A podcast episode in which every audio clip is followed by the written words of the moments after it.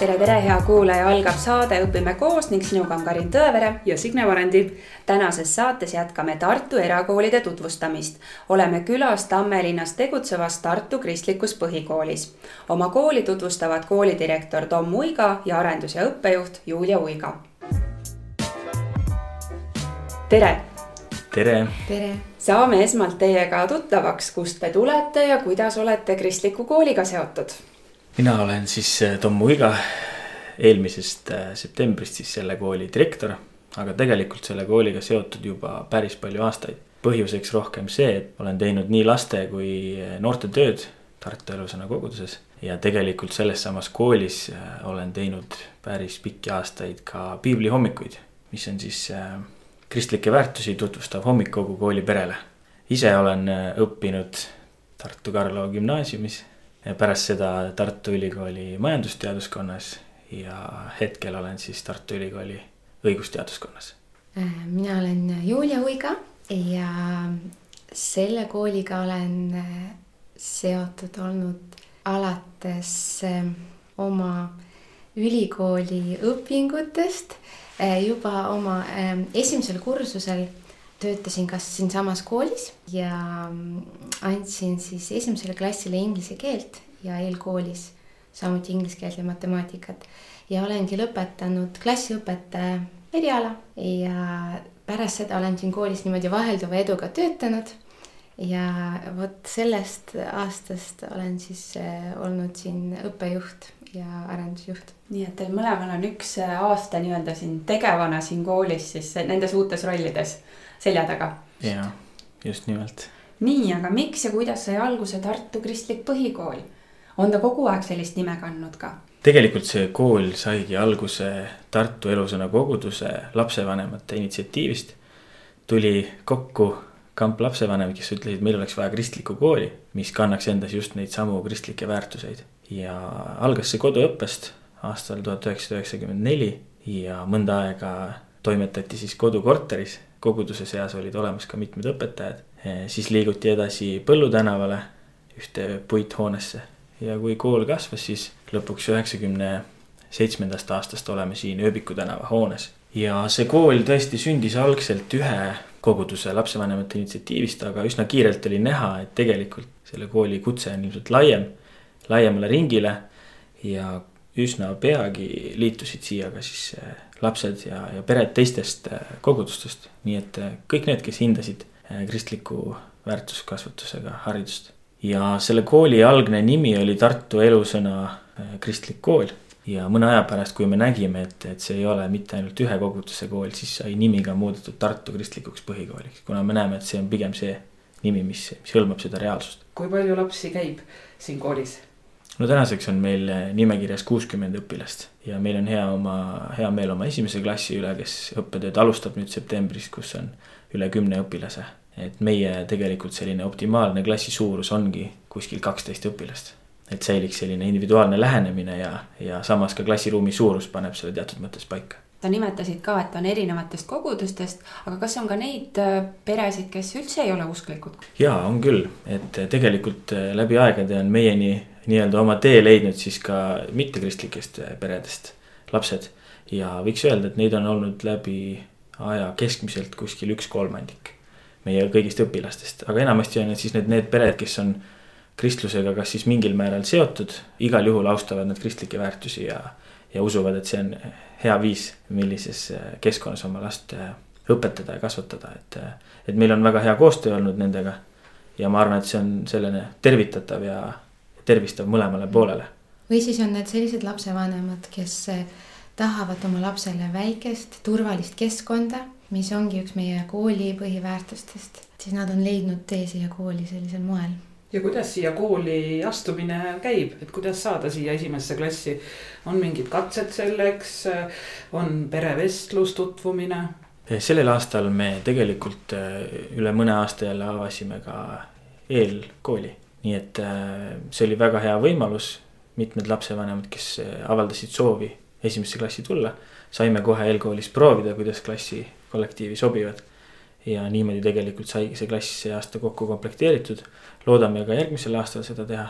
põhiline sõna on lõppkokkuvõttes siis esimese klassi õpetajal, kes oli siis sel aastal ka meil eelkooli õpetaja, kes siis näeb ära iga õpilase puhul, kuidas ta sobib ja kuidas see kool talle sobib. ja kui on äh, näiteks peresid, kes tahavad kooli vahetada, tulla näiteks teise, kolmandasse ja nii edasi klassi, siis tavaliselt me oleme kutsunud proovipäevale, kas ühele või kahele proovipäevale.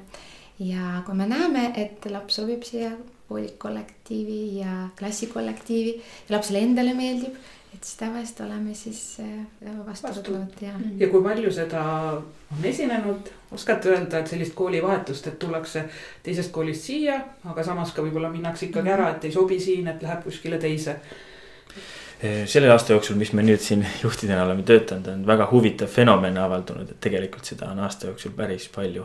Võib öelda isegi kummaline, aga maikuus tuli neli õpilast teistest koolidest, just suurtest koolidest mm. -hmm ja, ja tõesti näha lapsevanemates sellist soovi, et palun, palun, et, et võtke meid vastu, et me näeme, et siin on just see keskkond, mida meie laps vajaks mm. -hmm. ja et kas on veel võimalik.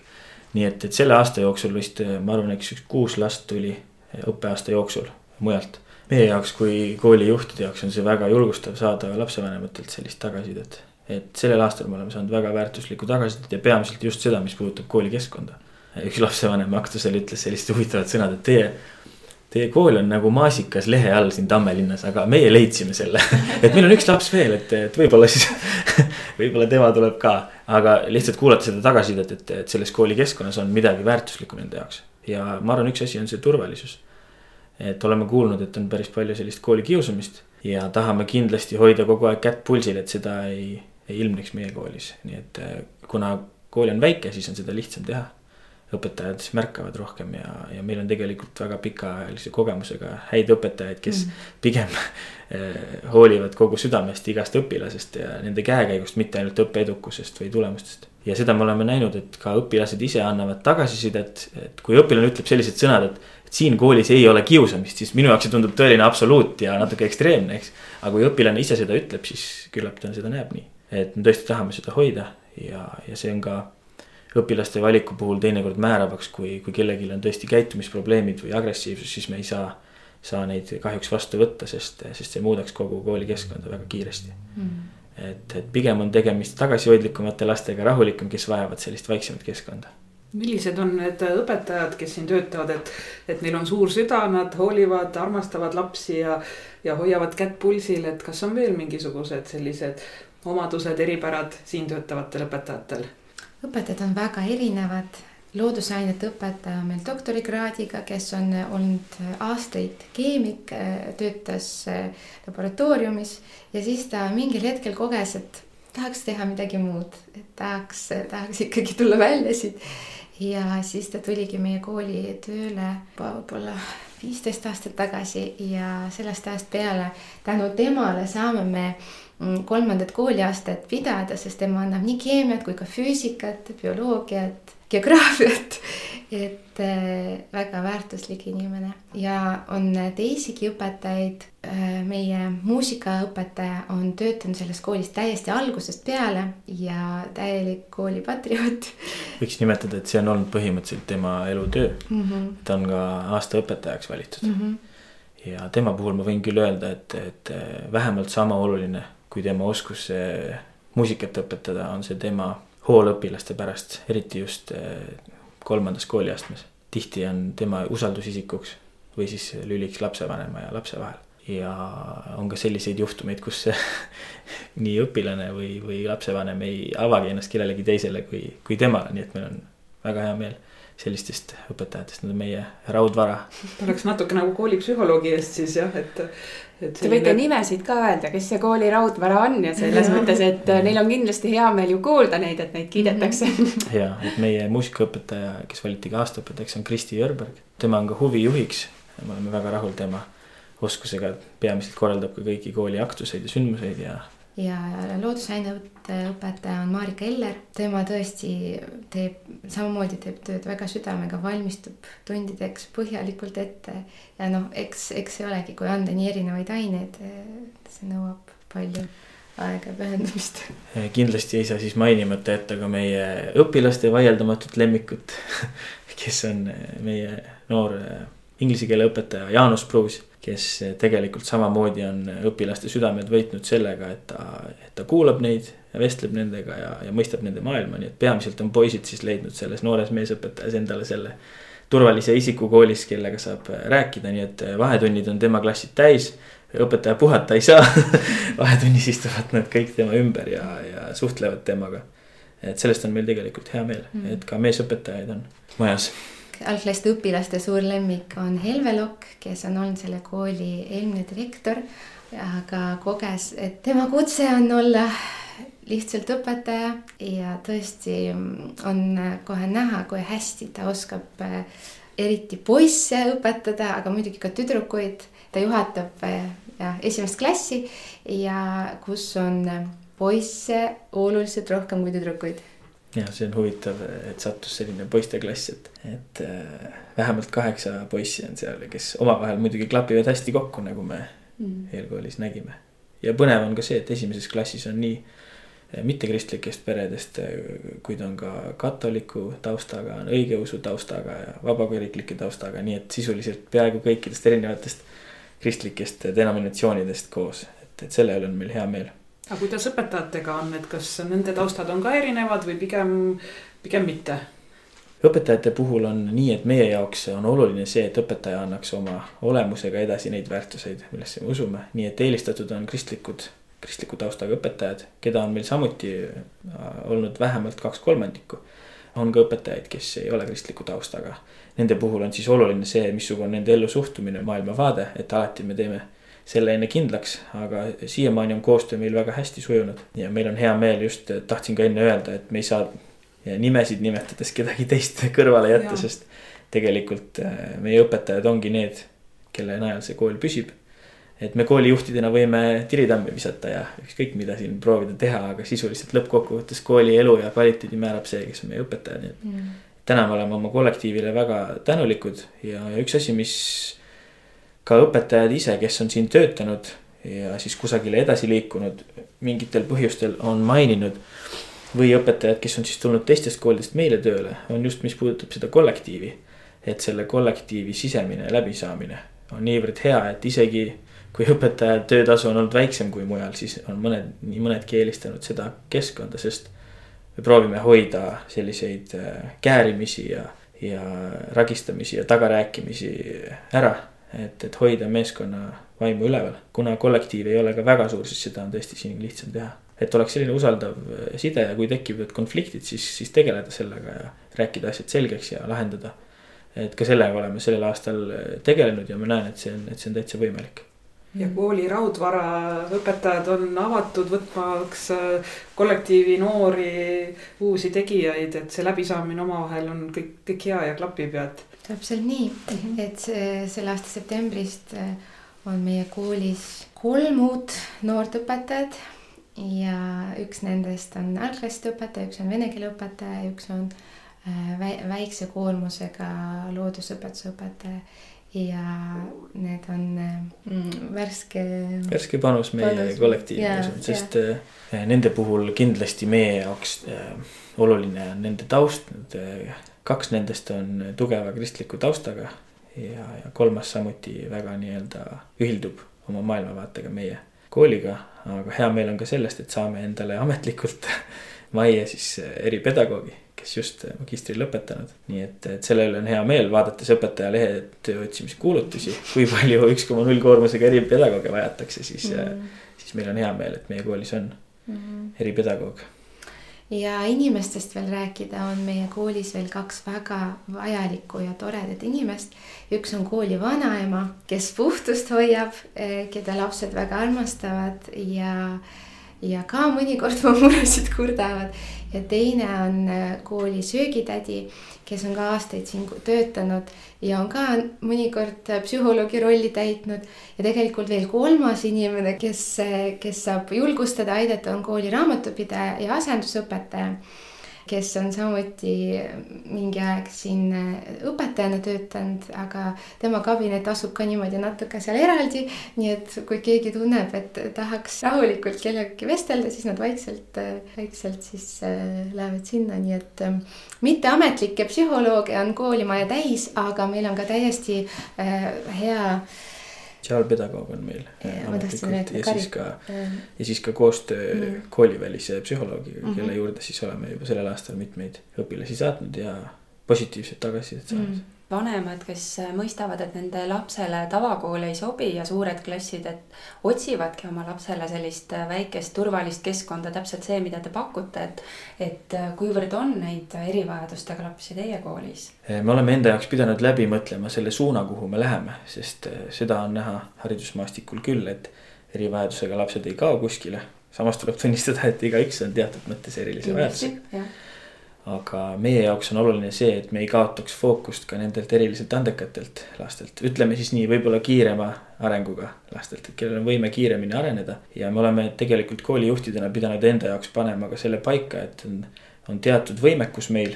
nii et eh, väga raskete erivajadustega laste puhul oleme pidanud konkreetselt läbi katsuma, kas me suudame neid täna toetada või mitte Mm -hmm. ja nii-öelda proovides siis erinevaid äh, lähenemisi, lõpuks on nii-öelda saabunud selline teatud balanss selles. ja, ja ikkagi peame otsustama, keda me saame võtta vastu, keda mitte. ja samas täna kindlasti tahame tugevdada seda külge, mis puudutab eriliselt andekaid. nii et äh, teatud mõttes võikski öelda, et on kaks sellist suunda, et tänases äh, kaasavas hariduses me kindlasti ei ütle ei. kui mõni on aeglasem või vajab lihtsalt äh, rohkem õpitud kinnistamist, siis oleme nendega tegelenud ja noh, eks see ongi natukene meie jaoks selline ka valupunkt mõnes mõttes, et äh, nii Rajaleidjast kui ka Masingu koolist on antud meile väga positiivset tagasisidet selle, nende kohta, kes on siis tulnud meie kooli. et on öeldud, et sealt koolist ükski tagasi ei ole tulnud et, et seal on edulugusid olnud kuulda ja, ja eks see on selles mõttes meie jaoks ka üks koht, kus me peame tulevikku suundades vaatama konkreetselt, mida me saame teha. loomulikult tahaks tugevdada seda külge, et nüüd ka meie uue eripedagoogiga on siis lootus, et saame kogu selle kooli korralduse niimoodi tehtud. ja võiks öelda, et täna ei ole see erivajadusega laste arv kasvanud nii suureks, et see hakkaks mõjutama kuidagi üldist äh, koolikeskkonda halvas suunas. pigem võikski öelda, et, et selline keskmine laps, kes meie kooli leiab mujalt tulles, on võib-olla laps, kes vajab natukene väiksemat klassi, rahulikumat keskkonda ja seda, et õpetaja saaks ikkagi aeg-ajalt temaga isiklikult tegeleda. noh, meie tänases arengus on olnud ju klasse, kus on kolm-neli õpilast, et see on tõesti tõeline väike klass. et selle puhul see on iseenesestmõistetav, et tegemist on täielikult individuaalse lähenemisega. meil on äh, mitu last, kes käivad äh, koolis tugiisikuga ja tegelikult äh, oleme näinud, et äh, see tugiisik on tervele klassile positiivselt mõjunud. et siis, siis õpilased oskavad, suudavad arvestada erinevate lastega, erinevate tempodega. No teie jutus siin ennem kõlas see maasikate teema läbi, et, et kas kõik need maasikad, mis need öeldud on, et, et kas neile tuleb veel midagi lisaks, et mis on veel teie kooli eripära võrreldes võib-olla teiste erakoolidega või tavakoolidega. on teil mõni veel mõni oma suund, oma nägemus või erineb teie päevaplaan kuidagi teistest koolidest? no meil on mitmed suunad, mida me oleme hindanud läbi aegade ja mida me täna tahaks tugevdada. üks nendest on olnud muusika. täna oleme siis äh, kohas, kus on õpilastel võimalik ka erinevaid äh, muusikaringe, plokkflööti. Meil on äh, noh, siis eelmisel aastal oli trummiring äh, Daniel Levi bändi trummariga ja tegelikult me oleme avatud sellele, et vastavalt lapsevanema soovile on võimalik täiesti luua ka uusi mm.. huviringe juurde kitarriring, hääleseade, oleme teinud koostööd ka Juhei kooriga, mudilaskoor, et tegelikult selline musikaalselt väga arendav külg. teine rõhk äh, täna meie jaoks oluline on äh, keeled. Tahame mm, süvendada keelte õpet. meil on eh, eelmisel aastal toimunud esimest korda vene keele ring, kus osalesid eh, kolmanda-neljanda klassi õpilased ja võib-olla tahaksime seda alustada veelgi varem et sellepärast, me usume, et, et mida varem hakkab laps keelt õppima, seda suurema tõenäosusega saab ta selle ka selgeks meie arvates eh, vene keele õpingud algus kuuendas klassis on liiga hilja. kui tõesti alustada selles vanuses eh, uue keele õppimist, siis eh, see on just puberteedi algus ja kõik muu on palju tähtsam kui uus keel oma uue tähestikuga ja nii edasi. nii et ma, ma olen ise vene keele õpetaja olnud ja olen näinud, et lastel on väga raske õppida äh, uut keelt äh, alates kuuendast klassist. ja tegelikult ma näen, et äh, võiks juba isegi teises-kolmandas keelega tutvuda, nii et ma olen, ma olen ise teinud seda vene keele ringi eelmisel aastal ja lapsed on väga suure heameelega seal käinud, minu jaoks oli see midagi uut.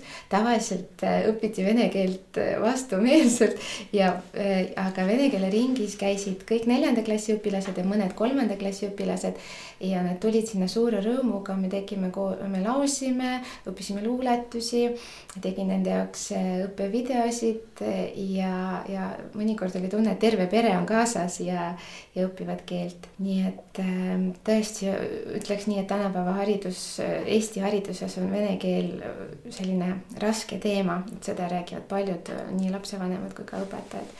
et tahaksime siis oma koolis seda lahendada inglise keele õppega tahaksime ka alustada, noh, meil on siiamaani ka olnud ähm, inglise keel alates esimesest klassist, siis ringitunnina, aga võib-olla tahaksime seda veelgi na natuke tõhusamaks teha, et praegu on see olnud kord nädalas ja ma arvan, et oleks vaja siiski paar-kolm korda, sest ühest korrast jääb, jääb võib-olla natuke väheks, et tõesti need sõnad meelde jääks. mis puudutab siis äh lapse keele omandamise võimet, siis meil on endal isiklik kogemus mhm. kodust mm -hmm. omaenda laste pealt, et meie kodune keelekeskkond on siis eesti keel, aga Julia vanemate juures lapsed räägivad vene keeles mm. -hmm. ja me nägime, kui kiiresti nad on võimelised omandama teise keele, ilma et nad omavahel sassi läheks mm. -hmm. sellega ei ole olnud kordagi probleeme. ja pean ütlema, et minu poeg, kui ta oli nelja-aastane, rääkis vene keelt paremini kui mina mm. -hmm. tal oli laiem sõnavara ja täna on tal vähemalt kaks keelt suus ja õpib kolmandat inglise keelt, et. et see näitab ikkagi, kui reaalne see on. et, et õpilane saab üsna varakult keele omandada ja, ja kui ta hiljem seda kinnistab, siis ta ei kaota seda mm. -hmm. nii et äh, ka tuleviku perspektiivi vaadates inimese edasijõudmine elus võib väga palju sõltuda ka tema keeleoskusest, eriti tänapäeva maailmas, kus maailm on väga väikseks muutunud mm. -hmm. rändamise, reisimise ja globaliseerumisega see mure, et see vene keel on nii raske, et äh, ma oma laste pealt ka näen, kui, kui keeruline on seda omandada. samas inglise keel tuleb justkui lennult, et võib-olla peaks need keeled ära vahetama, et see ingliskeelne ruum on ümber, see on nii põnev nagunii, internet, televiisor, kõik on nagu kisub sinna, eks ju, et aga venekeelset ruumi enam ei ole.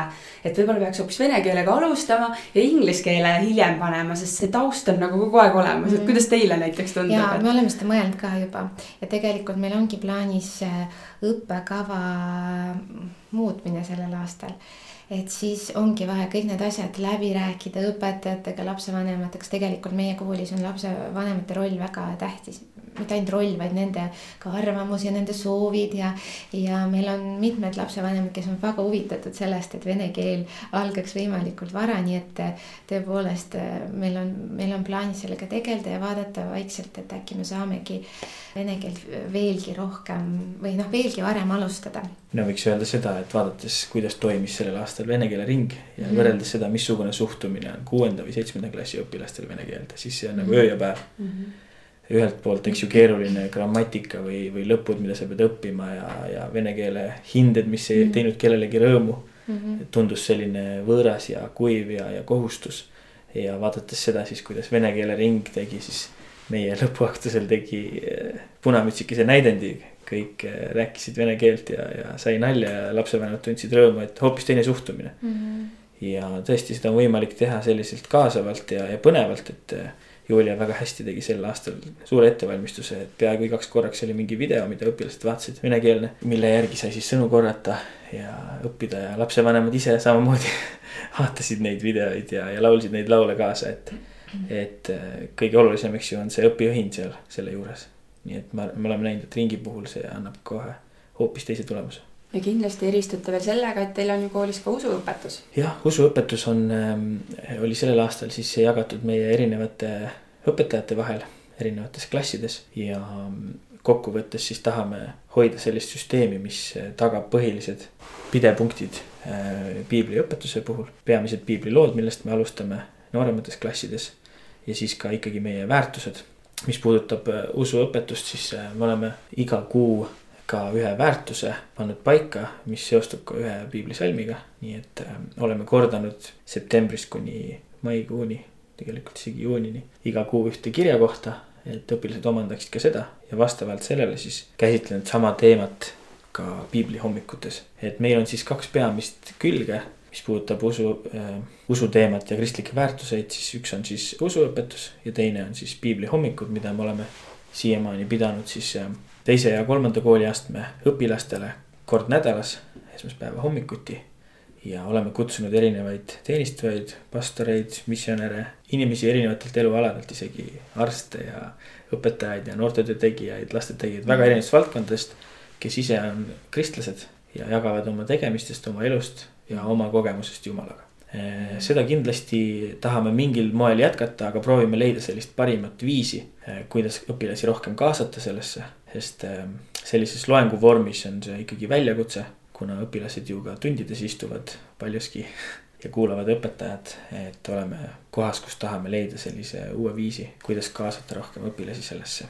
Ja mis, mis veel meie eripäradesse puutub, siis eh, meie iga hommik algab eh, hommikupalvusega, mille viib läbi tavaliselt siis see õpetaja, kes alustab esimest tundi.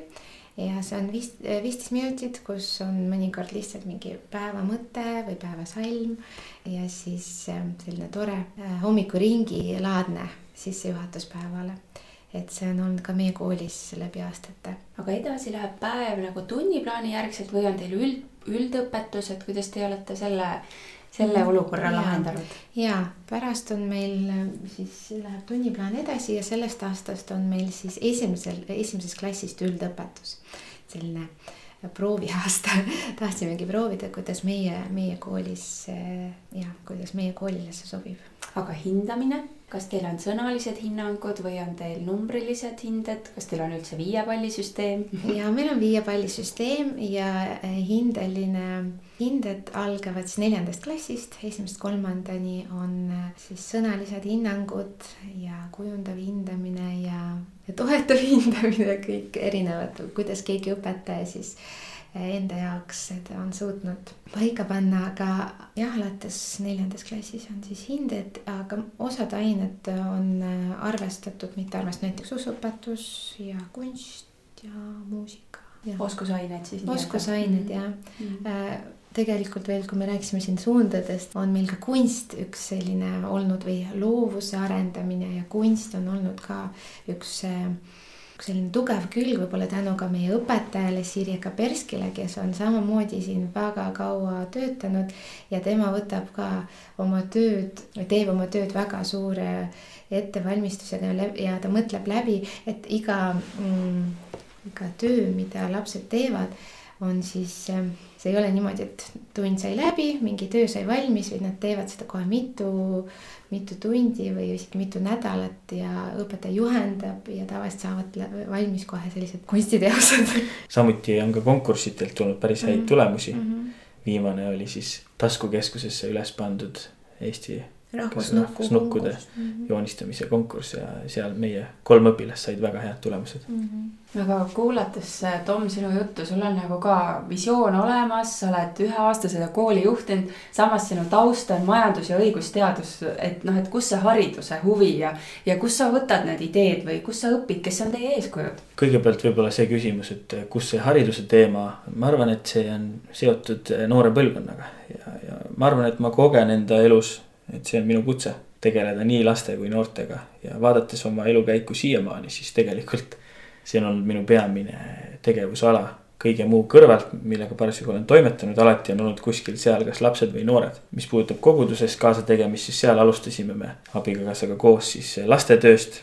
me tegime tegelikult aastaid äh, sellist sündmust linnalastele iga laupäevaselt. lasteprogramm, lastelaupäev oli selle nimi ja käisid siis äh, erinevatest mittekristlikest peredest lapsed koos, me tegime neile mänge ja proovisime iga kord anda edasi siis sõnumit. ja minu jaoks oli väga rikastav kogemus ja kui me tegime seda, siis me tegime seda koos noortega. ehk siis meil oli alati noortetiim, vahepeal peaaegu kuni kakskümmend noort, keda siis kaasata, kellele anda uusi rolle, ülesandeid, näha neid arenemas, kasvamas. teine minu nii-öelda suur kutse on olnud alati noortetöö. ja tegelikult olengi noortetööd teinud üle kümne aasta et siin koguduses samamoodi tegelikult noortetöös korraldanud noortelaagreid, juhtinud noortetööd, kus on siis igareedesed noortekad, mitu noortebändi nii-öelda üles töötanud, ehk siis olnud nende toeks oleme Eesti, üle-eestilisi ringreisi korraldanud noortega, välismaa reise, igasuguseid asju, et noored on olnud alati südames ja ma olen ka ise poiste sellist kodugruppi teinud palju aastaid. Et äh, väga tugevad sidemed nende noortega kujunenud, kellest täna on saanud juba täiskasvanud ja kellel on omad lapsed. et ähm, ja seesama kool ise ka, ehk siis äh, tegelikult oli lugu nii, et, et Julia töötas siin koolis sel ajal, kui me hakkasime käima tema oli õpetaja ja mina käisin siin salaja talle lilli toomas siia koolimajja. ja noh, tegelikult tollest perioodist alates ma olen äh, ka selle kooliga olnud seotud. peamiselt siis need piiblihommikud, mida ma olen erinevatel aastatel teinud. Ja ütleks, et, et minu kutse siia haridusse on pigem tulnud sealtpoolt, et minul on alati huvi laste ja, ja noorte vastu, näha neid kasvamas, arenemas. et anda neile midagi edasi, mida meil on anda, et me võiksime näha neid jõudmas kaugemale kui me ise ja täna minu seos selle kooliga tugevneb veelgi, kui minu esimene laps, poeg siia kooli astub. et äh, ma usun sellesse, sellesse töösse, et selles on miskit, mis äh, tähendab enamat, et selles on kõrgemad väärtused, panustada uude põlvkonda. koolimajas jalutades me nägime, et on liikuma kutsuva kooli plakatid üleval. et õpetajad on justkui nagu raudvara siin olnud ja sellised noh, traditsioonid ja väärtused on ju juba kooli algusest peale võib-olla samad olnud. et kas on ka selliseid põnevaid muutusi olnud? ma usun, et muutuseid on kindlasti olnud, aga ma arvan, et see on võib-olla siis küsimus, mida peaks kollektiivile esitama, ma ei tea, Julia, äkki sa tahad ise öelda kõrvaltvaataja pilgu läbi no ma kuulsin siin juba see keeleõpe näiteks on ju, et te tahate muuta mm -hmm. seda jälle, et. et tundub, et te nagu tahate jah, katsetada selliseid mm -hmm. erinevaid asju mm -hmm. just mhm. mõeldes noorte ja laste peale, et neil oleks kõige parem õppida siin, et. jaa, üldõpetust tahame katsetada, keeli süvendada, siis. kas on veel mingid algatused, millega te olete liitunud peale selle liikuma kutsuv kool? projektid, koostöö teiste erakoolidega noh, ütleme nii, et, et me proovisime tegelikult hoida ennast tagasi, teades seda, et kui uued juhid tulevad, kipuvad kõik laiali lammutama ja otsast peale üles ehitama. proovisime hoida ennast tagasi, aga et me oleme saanud õpetajatelt selle aasta jooksul väga positiivset tagasisidet, et need paljud valupunktid, mida nad on aastaid oodanud, et muutuks, on juba sellel aastal eh, muutunud. meie jaoks lähtedokumendiks oli tegelikult sisehindamine, mida me palusime väljastpoolt disainivõti tuli mm. ja tegi eelmisel ehk siis juba üle-eelmisel õppeaastal korraliku töö, uurides mm, -hmm. intervjueerides lapsevanemaid mm, -hmm. õpetajaid, õpilasi, tuues välja kõik valupunktid, kõik nõrgad kohad.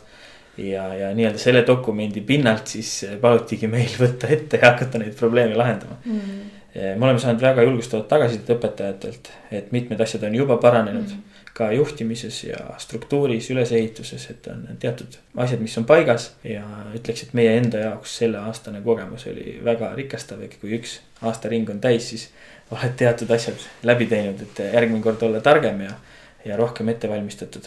et see on olnud väga põnev väljakutse. aga mitmed asjad, mida mina ise ka oluliseks pean, mida nii-öelda hoida ja säilitada. üks on see, mis puudutab ka nutiseadmete kasutamist juba enne meie juhtima tulekut lapsevanemate soovil tegelikult piirati siin koolis nutiseadmete kasutamist.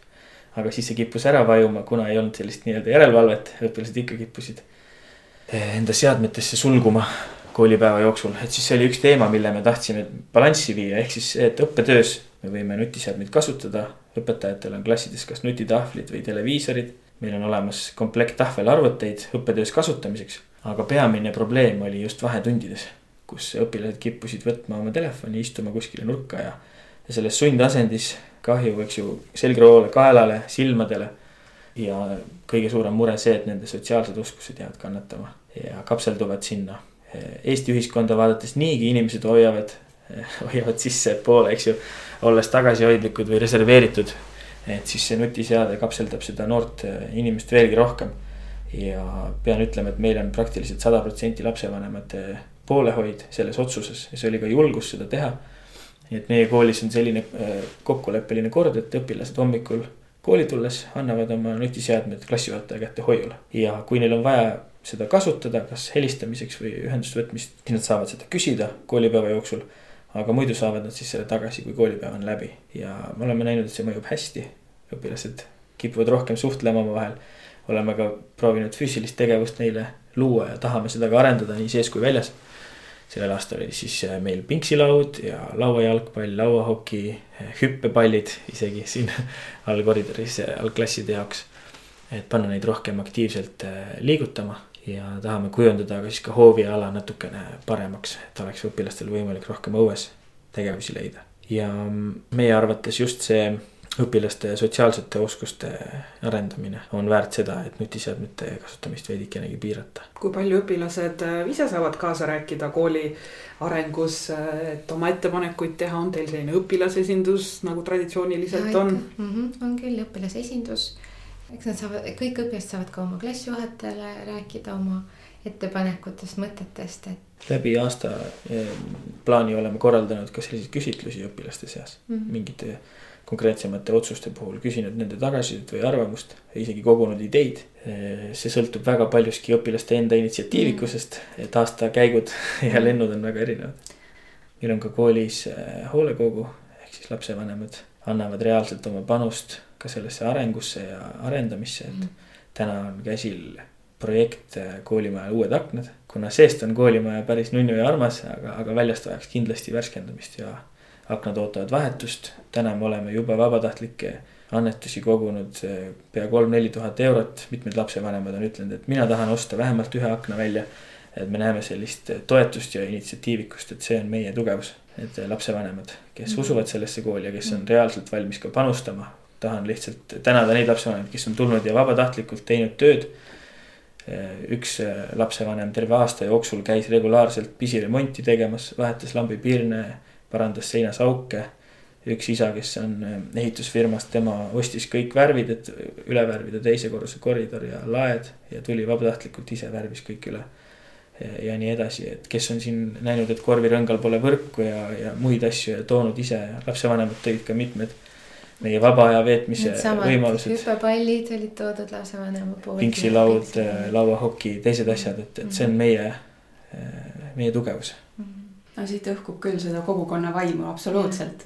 et aga kuidas sa koolijuhina oled suutnud hoida oma õpetajaid, et, et nad siin on, et nad jätkuvalt on särasilmsed ja suudavad nagu kaasa tulla sinu uuendustega? ma arvan, et see on äh, suhtumise küsimus ka minul kui juhil ma võin läheneda ülalt alla, aga ma võin võtta seda kui meeskonnatööd ja minu jaoks palju olulisemal kohal on meeskonnatöö. enamik nendest uuendustest on tegelikult kujunenud välja siinsamas laua taga mm.. Ma näen, et on oluline tuua välja seda, mida ma usun, mida ma tahaks näha, aga mitte surudes seda peale, vastupidi, kuulates, mis on teiste ideed ja kui see on kujunenud sellise meeskonnatööna välja, siis, siis on juba kõik algusest peale kaasas ja see on hoopis teine, hoopis teine asi, nii et, et mina usun, et nendel õpetajatel, kes siin on aastaid töötanud, on võib-olla palju rohkem öelda kui minul. kuulata nende ideid ja samas tuua ise välja seda, mida ma oluliseks pean. Ma arvan, meeskonnatöö on see võtmesõna ja mis õpetajate tunnustamist puudutab, siis ma olen otsinud neid viise, kuidas reaalselt anda tagasisidet Äh, tegelikult äh, varasemalt oli üks nõrk koht ka see, et, et õpetajate tundide vaatamine äh, oli nagu väga harv. nii et, et sellel aastal on õpetajad hakanud vaikselt palju rohkem tagasisidet saama, et Julia on saanud õppejuhina käia ka tunde vaatamas. Selle kaudu ka kooli õppetöö taset ühtlustamas ja, ja paljud tulemused on paranenud. et kui hinded lähevad alla, siis kohe saad aru, et tulemused, et tase tõuseb. et ähm, aga kindlasti regulaarne poolehoiu väljendamine, selle väljendamine, et, et me väärtustame seda tööd, mida nad teevad. seal, kus võimalik anda tagasisidet ka arenguvestlustes ja, ja muudel hetkedel. Nii et äh, hea, hea meel on sellest, et ka lapsevanemad on olnud, mitmed lapsevanemad on olnud aktiivsed selles tunnustamise küsimuses, et kui õpetaja ise saab ka lapsevanemalt tagasisidet või ka mõningatelt õpilastelt, et võin lihtsalt näiteks tuua, et kui üheksas klass lõpetas, siis üks poiss pidas sellise, sellise kõne, mis võttis kõigil peaaegu pisarad äh, välja, öeldes, et see. Et see koolimaja on see eriline koolimaja, kus kõikidest õpilastest äh, hoolitakse, et see on väike kool ja väliselt ei ole sellel millegagi kiidelda. aga need õpetajad, kes siin on, teevad sellest koolist tõelise kooli ja kui öeldakse, et, et, et mõnele õpetajale, et sa oled mulle olnud peaaegu nagu ema eest kõik need aastad, et siis, siis see on väga liigutav. ja, ja ma arvan, et see ongi miski, mida me tahame hoida et see kool ei kasvaks kunagi selliseks suureks kombinaatkooliks, kui nii võib öelda. aga säiliks see isiklikkus ja, ja võib-olla meie väärtuste üks oluline asi, mida, mida ma tahaks välja tuua, on see, et me, me vaatleme iga õpilast kui isiksust. ja, ja kui isiksust, kellel on omad võimed, omad annid. me ei mõõdaks neid kõiki sama mõõdupuuga ja, ja kõrvaldaks siis neid, kes ei vasta nendele standarditele, mida me neilt eeldame, on see siis õppekava järgi või haridussüsteemi järgi. me näeksime neid ande, mis on seal peidus ja, ja me annaksime oma parima, et, et lihvida neid pärleid, mis on, mis on iga noore, iga lapse sees. väga lihtne on ühe kriteeriumi järgi mõõtes heita kõrvale need, kes tele, tegelikult võib-olla omavad hoopis mingi muud andi et neid lugusid on palju mm. noortest ja lastest, kes koolis hästi hakkama ei saanud, aga elus lõid läbi oma valdkonnas. et me ei unustaks seda ja, ja et meil oleks austus isegi nende õpilaste vastu, kes vahel käituvad halvasti. või väljendavad äh, kummalisi suhtumisi. õpetaja ei karjuks õpilase peale, ei paneks jõumeetodiga midagi paika, vaid et iga õpi-, õpetaja oleks võimeline laskuma õpilase silmade tasandile, vaatama talle silma ja, ja nägema sügavamale kui see välisfassaad. ja ma usun, et see on miski olnud, mis, mis ka õpilasi on puudutanud. aga värske koolijuhina ja selline, ütleme nii, et äh, kogu aeg noortega töötanud, aga samas äh, hariduselust võib-olla ikkagi uus, uus tegija, eks ju. et kuivõrd sa näed, et äh, on võimalik tavakooli tuua seda isikupära ja seda, et me arvestamegi igaühe individuaalsusega, et mis peaks muutuma? see on väga hea küsimus ja ma arvan, et võib-olla täna on mul veel vara mõnda konkreetset lahendust välja pakkuda. aga needsamad küsimused on minul endal, ka meie enda koolis, kuidas seda hoida. probleemiks ongi see, kui me esitame õpilastele terve rea nõudmisi, mida me esitame sellepärast, et need on alati esitatud. ja, ja me täna võib-olla ei ole isegi kindlad, kas neil seda elus vaja läheb. ja võib-olla need reaalsed oskused, mis täna eluks vajalikud on, need nad saavad mujalt, kas Youtube'ist või kuskilt mujalt, et, et noh mina näen küll, et oleks viimane aeg reageerida sellele, et, et haridussüsteem täielikult lootuslikult, lootusetult ei vananeks. ja mina ei näe, et lahendus on see, et me lihtsalt tulvame koolid üle nutiseadmete ja arvutite ja infotehnoloogiaga. et see iseenesest ei ole lahendus, meil on vaja õpetada neile, kuidas toime tulla selles maailmas. kuidas eluga hakkama saada, kuidas mitte langeda tänapäevastesse sõltuvustesse, on see siis arvutimängusõltuvus või mõni muu asi, et. ka paljude õpilaste puhul näeme seda muret. Miks õpilane ei õpi, miks kodutöö on tegemata, noh ilmselge, kui vanemad lubavad tal olla pool ööd arvutis, mängides mänge või tehes muid asju. siis äh, õppimine lihtsalt iseenesest jääb tagaplaanile. väga raske on tervet haridussüsteemi kiiresti muuta, sest maailm on tõesti muutunud väga kiiresti. ja ka haridussüsteem on miski, mis on välja kujunenud, kõik need õppematerjalid ja kõike seda korraga muuta on jah, nii, nii on, et päris mitmed noored äh, õpetajad või tudengid on ka äh, öelnud, et tahaks, et oleks uued õpikud, näiteks vene keeles ei ole häid õpikuid praegu Eestis. mille järgi õpetada näiteks nooremaid või, või, või selliseid õpikuid, mis, mis kuidagi tekitaks seda soovi, et ma tahan vene keelt õppida ja siis, siis äh, tudengid räägivadki, et et jaa, oleks vaja uusi õpikuid, aga selleks, et neid teha, selleks on vaja väga palju aega, nii et. Äh, aga tore, kui on neid äh, noori, neid äh, lapsi, kes unistavad, tahavad saada õpetajaks. ja tahavad muuta seda haris, haridussüsteemi, sest nemad praegu mõtlevad juba hoopis teistmoodi. Tommi mm, seitsmeteist aastane õde on ka näiteks selle kooli lõpetanud ja me näeme, kuidas kuidas tõesti nemad näevad seda maailma niivõrd teistmoodi ja kui, kui selles vanuses olevad noored äh, äh, lähevad ka haridust õppima, ma arvan, et äh, nemad saavad ka väga palju teha, nii et praegu on suur õpetajate puudus. nii et äh, meil on vaja uusi tarkasid õpetajaid haridussüsteemi. usun ka sellesse, et äh, Julia tabas naela pihta selles, mis puudutab koolisüsteemi muutmist või haridussüsteemi muutmist, eks see ikka käib õpetajate kaudu ja senikaua, kui meil on õpetajaid, kes on töötanud võib-olla nelikümmend aastat ühtemoodi, siis noh. ma arvan, et see ei peakski olema meie soov muuta nende harjumusi ja, ja seda, kuidas nad õpetavad. me võime küll anda edasi uusi väärtuseid, aga tõenäoliselt me ehitame selle üles noorte õpetajatega. kes on kujundatavad, kes on ise kasvanud üles natuke teistsuguses keskkonnas. nii et mina usun sellesse, et haridussüsteem muutub ka selle uue põlvkonna õpetajatega, nii et täna noh, minu lootus on see, et me saame sellise eluterve tasakaalu siin kooli õpetajate seas, et on seda elukogemust, on selliseid meie raudvara, nii et me väga loodame, et nad jäävad. ja tuleb ka peale uusi, kellele anda edasi kogemust, aga kes saavad tuua sisse seda uuenduslikku, uusi mõtteid, uut lähenemist. ja ma arvan, et minu enda kui koolijuhi jaoks noh, kindlasti üks prioriteet oleks ka liikuda ringi. käia ka üle lombi, käia ka mujal vaadates, kuidas teistes riikides asju tehakse, et. Et koguda uusi julgeid ideid ja, ja siis neid, miks mitte ka ellu viia, sest ühes erakoolis on see palju realistlikum ja.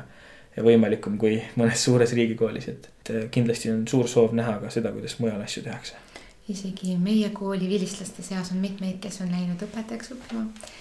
näiteks kohe meie praegune üks klassiõpetajatest on selle kooli õpp-, vilistlane, kes on lõpetanud eripedagoogika, tuli siia kooli tagasi õpetajaks. Mm, on ka mitmeid teisi vilistlasi, kes, kes õpivad õpetajaks ja see näitab seda, et siin olles nägid nad häid õpetaja eeskujusid ja, ja nad ilmselt mõtlesid, nad saavad ka midagi teha. meie vilistlase seas on tegelikult väga palju ka teiste erialade esindajaid. kas mõnikord need vilistlased on toonud välja ka selle, et, et siin väikses armsas koolis lõpetades noh kolm-neli õpilast klassis, nad peavad minema gümnaasiumisse või kutsekooli, kus on ju väga suur hulk õpilasi, et kuidas see kohanemisprotsess selle suure keskkonnaga siis toimub, et on, on see pigem olnud nagu selline, et hea algus alustuseks ja turvaline ja kõik on olnud sujuv või on ka mingeid raskuspunkte olnud? tavaliselt kümnes klass on üleüldiselt paljude jaoks raske, sest kõik ju vahetavad kooli praegu, noh, suurem osa mm, -hmm. osad muidugi jäävad samasse gümnaasiumi, praegu nüüd Tartus on on neid gümnaasiume nii väheks jäänud. ja need, kes lähevad gümnaasiumisse, siis ähm, see kümnes klass võib olla selline kohanemis ja, ja selline, aga see jällegi oleneb mõnel, mõnel läks kohe hästi, läks kohe nii hästi, et ta sai kohe õpetajate sõbraks. või mõni isegi on õpetajaid julgustanud kui õpetajal on raske olnud. ja mõni on Äh, kuna meil on äh, muusikatöö on tugev ja, ja lapsed on palju esinenud, siis, äh, siis väga tihti on niimoodi, et kui nad lähevad teise kooli, siis kohe neid haaratakse ka huvitöösse ja, ja siis see on ka aidanud leida võib-olla head toredat sõbrad ja. aitab kohaneda ja, see ühistegevus ja, ja see hu mm -hmm. huviala. jah, sa ütlesid ka, et julguse saavad nad siit kaasa ja, ja et, et teil on palju mitteametlikke psühholooge, et, et õpilasel ongi julgus minna erineva täiskasvanuga rääkima ka ja mm. -hmm, ja, ja et ta seal uues koolis, suures keskkonnas nagu julgeb ka siis ja. suhelda kohe. ja tegelikult meie koolis on ju, kuigi on väiksed klassid, aga väga tihti kõik suhtlevad kõikidega, väiksed suhtlevad suurematega. üks teise klassi poiss on siin olnud suur sõber kuuenda klassi ja neljanda klassi poistega ja, ja siin noh, täiesti erinevalt, mõned kuuendikud suhtlevad üheksandikega, kaheksandikega. nii et, et sellist vanusevahelist suhtlemist, vanustevahelist suhtlemist on ka päris palju vahetundides või, või koolivälistel üritustel, et, et lihtsalt. see, mis on jah. kindlasti ähm, mängib rolli ka see, et õpilane ei saa meie koolis anonüümseks jääda. -hmm. ta ei saa peituda või kaduda ära ridade vahele või olla lihtsalt üksteiste seas üks number, eks ju, vaid. igalühel on nimi, igalühel on saatus ja elukäik, mida siis õpetajad väga hästi teavad ja eks mõnes mõttes sellises tulises teismeeas see võib tunduda õpilastele ka isegi natukene liig. et tema elu kohta teatakse ja kuidas tal läheb ja et mis see teie asi on, eks ju, kuidas ma oma elu elan ja mis ma teen. aga kokkuvõttes äh, õpilased kogevad seda hoolt ja ma arvan, et see tugevus meie kooli õpilastel ongi ka gümnaasiumisse minnes need sotsiaalsed oskused. ehk siis julgus ikkagi õpetajaga suhelda, julgus teiste õpilastega läbi saada erinevas vanuses, kuna meie koolipere on koos päris tihti, nii nooremad kui vanemad oma, omavahel ninapidi koos, siis tegelikult me oleme väga rõõmsad nende tulemuste üle, mis ka meie üheksanda klassi lõpetajad, kuhu nad on sisse saanud. Väga erinevatesse kohtadesse ei ole olnud probleemi gümnaasiumisse sisse saada ja on ka, eks lapsevanemad on ka küsinud, et kui mu laps tuleb siia kooli, et kas ta ikka gümnaasiumisse saab sisse, on tuntud muret, et. et kuidas teie akadeemiline tase on. aga me olemegi näinud, et õpetajatel on ju võimekus anda edasi kõik need oskused, et siis see sõltub juba paljuski ka õpilase enda võimest. ma arvan, et sinna taha ei ole ükski asi pidama jäänud, et, et õpetajad ei suudaks piisavalt arendada ühtegi õpilast. Ja, ja võib-olla üks asi, mis ähm, mis võib tekitada meie kooli puhul selliseid küsimusi, mida me oleme jälle ja jälle lapsevanemate puhul näinud, et neil tekib selline võib-olla väikene hirm, et see on justkui ühele kogudusele kuuluv kool või et kas peab olema kiriku liige või. et tegelikult äh, ma ütleks pigem just, et see on avatud kõigile mm, -hmm. nii kristlastele kui mittekristlastele ja kriteeriumiks on pigem see austus kristlike väärtuste vastu.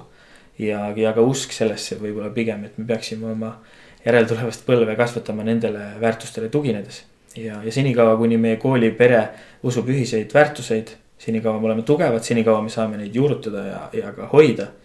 ja, ja selles mõttes just kõigile ka lapsevanematele, kes, kes küsivad või kahtlevad või mõtlevad, et, et äh, usku me siin majas kellelegi peale ei suru.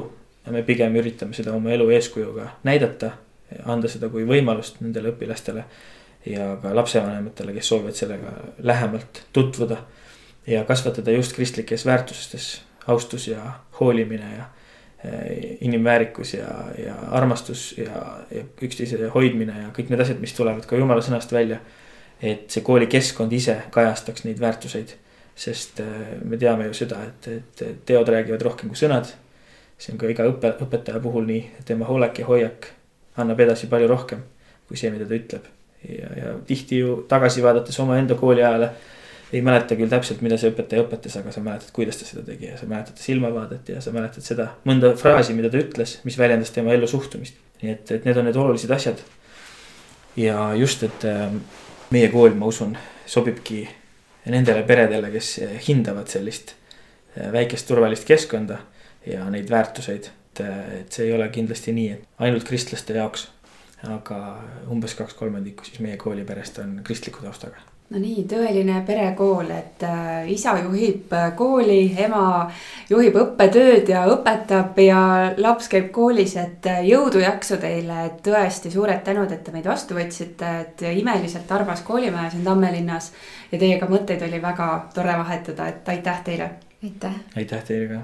järgmise korrani. Kuulmiseni kui sinagi said koos meiega täna uusi mõtteid ja inspiratsiooni, siis anna taskuhäälingule hoogu juurde, likei, jaga ja kommenteeri meie postitusi sotsiaalmeediakanalites. kui soovid taskuhäälingut Õpime koos toetada, siis täname sind annetuse eest MTÜ Tartu Loomemaja arveldusarve kontole. kõik vajalikud lingid leiab saate kirjeldusest